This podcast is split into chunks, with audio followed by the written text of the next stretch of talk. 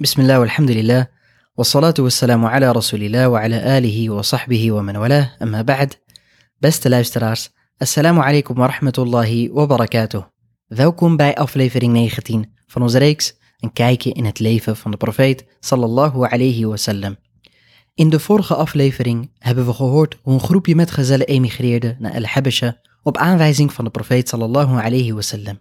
Habasha was een koninkrijk in Afrika dat geregeerd werd door Ashame, ook wel een Najashi genoemd.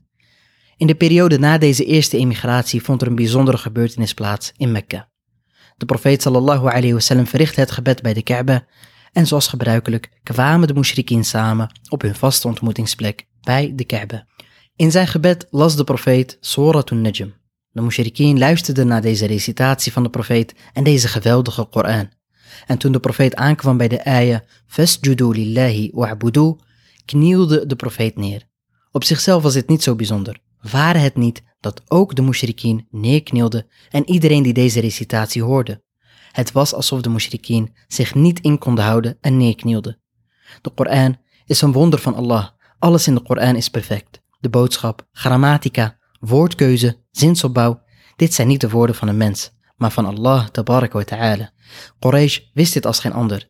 Zij die de Arabische taal eerden, vonden zoetheid en rust in deze Koran. En het was met niets te vergelijken. Daarom zie je dat niemand van hen de recitatie van de profeet sallallahu alayhi wasallam onderbrak, maar dat zij aandachtig luisterden totdat de profeet neerknielde en zij als het ware automatisch meegingen in de sujud. Deze gebeurtenis werd al gauw het verhaal van de dag en bereikte ook de metgezellen die de hijra hadden gedaan naar Al-Habasha. Toen zij dit verhaal hoorden, dachten sommigen van hen dat heel Mekka moslim was geworden, waarop zij terugkeerden naar Mekka. Eenmaal in Mekka aangekomen, zagen zij dat er niets veranderd was. De moslims werden nog steeds onderdrukt. Sterker nog, als moslim moest je tegenwoordig een beschermheer hebben om Mekka binnen te komen. Dus de metgezellen emigreerden voor de tweede keer naar Habasha. Ditmaal ging er een veel grotere groep dan de eerste keer. Maar liefst 82 mannen en 18 vrouwen. Onder hen bevond zich ditmaal ook Ja'far ibn Abi Talib, de broer van Ali radiyallahu anhuma. Quraysh deed pogingen om deze muhajirin terug te halen naar Mekka. Dit zagen wij bijvoorbeeld in het verhaal van Ibn Dirinda met Abu Bakr. Waar we dit ook duidelijk terug kunnen zien, is toen Quraysh twee gezanten met cadeaus naar een Najashi stuurde. Dit waren Amr ibn Aas en Abdullah ibn Abi Rabi'a. Het doel hierachter was dat zij een Najashi moesten overtuigen de moslims aan hen over te leveren en terug te sturen naar Mekka. Toen zij bij Najashi aankwamen, vertelden ze hem waarvoor ze gekomen waren. En Najashi bewees een rechtvaardige koning te zijn en paste hoor en wederhoor toe. En Najashi informeerde naar het geloof van deze moslims.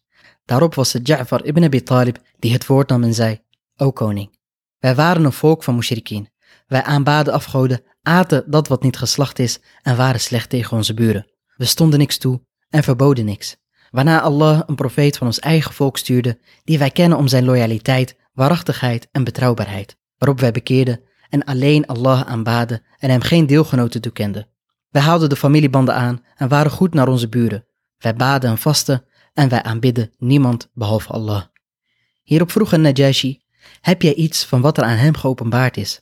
Ja'far zei ja, waarop een Najashi zei, vooruit, reciteer voor mij waarmee hij gekomen is. Ja'far reciteerde vervolgens het begin van Surat Maryam. Toen een Najashi dit hoorde, kon hij zijn tranen niet bedwingen en zo ook de bisschoppen die met hem waren. Vervolgens zei hij, deze woorden komen vanaf hetzelfde als waar de woorden van Musa vandaan kwamen. Gaat rechtgeleid voort. De poging van Amr ibn Aas en Abdullah ibn Abi Rabi'a was mislukt. Ze hadden niet verwacht dat de christelijke koning dit nieuwe geloof zou accepteren. Ze moesten met een nieuw plan komen dat de moslims voor het blok zou zetten. Amr ibn Aas zei tegen Abdullah, Wallahi, morgen zal ik met iets komen wat met hen zal afrekenen. Abdullah bleek de mildste van hen beiden te zijn en zij doet dat niet. Deze mensen zijn bekenden van ons, ondanks dat we met hen verschillen. Hierop zei Amr ibn Aas, Wallahi, ik zal hem vertellen dat zij zeggen dat Isa een dienaar is. De volgende dag kwamen zij weer samen bij Najashi. Amr ibn Aas opperde, O koning, zij zeggen iets groots over Isa. Wat moesten zij nu gaan antwoorden? De waarheid vertellen zou heel verkeerd voor hen kunnen uitpakken. Ja'far ibn Abi Talib nam weer dapper het woord en zei, Wij zeggen dat hij de dienaar van Allah is en hij komt voort uit het woord en bevel van Allah dat hij neerzond op de maagd Maryam. Hierop zei Najashi, dit wat jij zegt is zoals Isa heeft gezegd, verblijft veilig in mijn land. De poging van Quraysh om de moslims terug te halen naar Mekka was mislukt. Nogmaals, achter deze hijra, die tot tweemaal toe plaatsvond, ging een profetische strategie en wijsheid. Want dit zorgde namelijk voor een veilige haven waar de metgezellen naartoe konden vluchten en zo te ontsnappen aan de wreedheid van Quraysh. Maar verder zorgde het ervoor dat de metgezellen niet geconcentreerd in Mekka verbleven, waardoor vijanden van de islam de moslims niet in één klap konden uitroeien.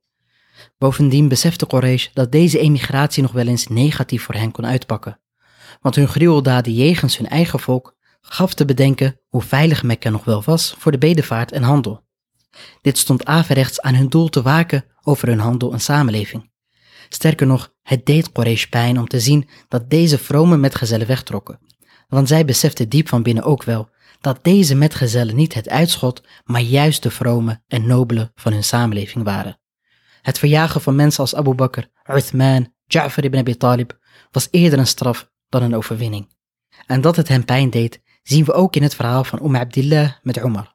Umar stond bekend als felle tegenstander van de islam, die de moslims het leven moeilijk maakte. Toen Leila bint Abi Hathma, ook wel Umm Abdillah genoemd, op het punt stond te emigreren naar Habesha met haar man Ammar, kwam zij Umar ibn al-Khattab tegen. Zij was zelf vaak slachtoffer van de vijandigheid van Umar jegens de moslims. Terwijl Leila op haar man Ammar wachtte, liep Umar naar haar toe en zei, Gaan jullie weg, o Umm Abdillah? Waarop zij zei, Ja wallahi, wij vertrekken. Jullie hebben ons pijn gedaan en ons onderdrukt tot Allah subhanahu wa ta'ala ons een uitweg heeft gegeven. Hierop zei Omar, mogen Allah dan met jullie zijn. En vervolgens vertrok hij. Om Abdillah zei hierover, ik zag in hem tederheid die ik nog nooit bij hem had gezien. En volgens mij was hij verdrietig. Toen haar man Ammar terugkwam, zei ze tegen hem, Ja Abi Abdillah, je had Omar net moeten zien.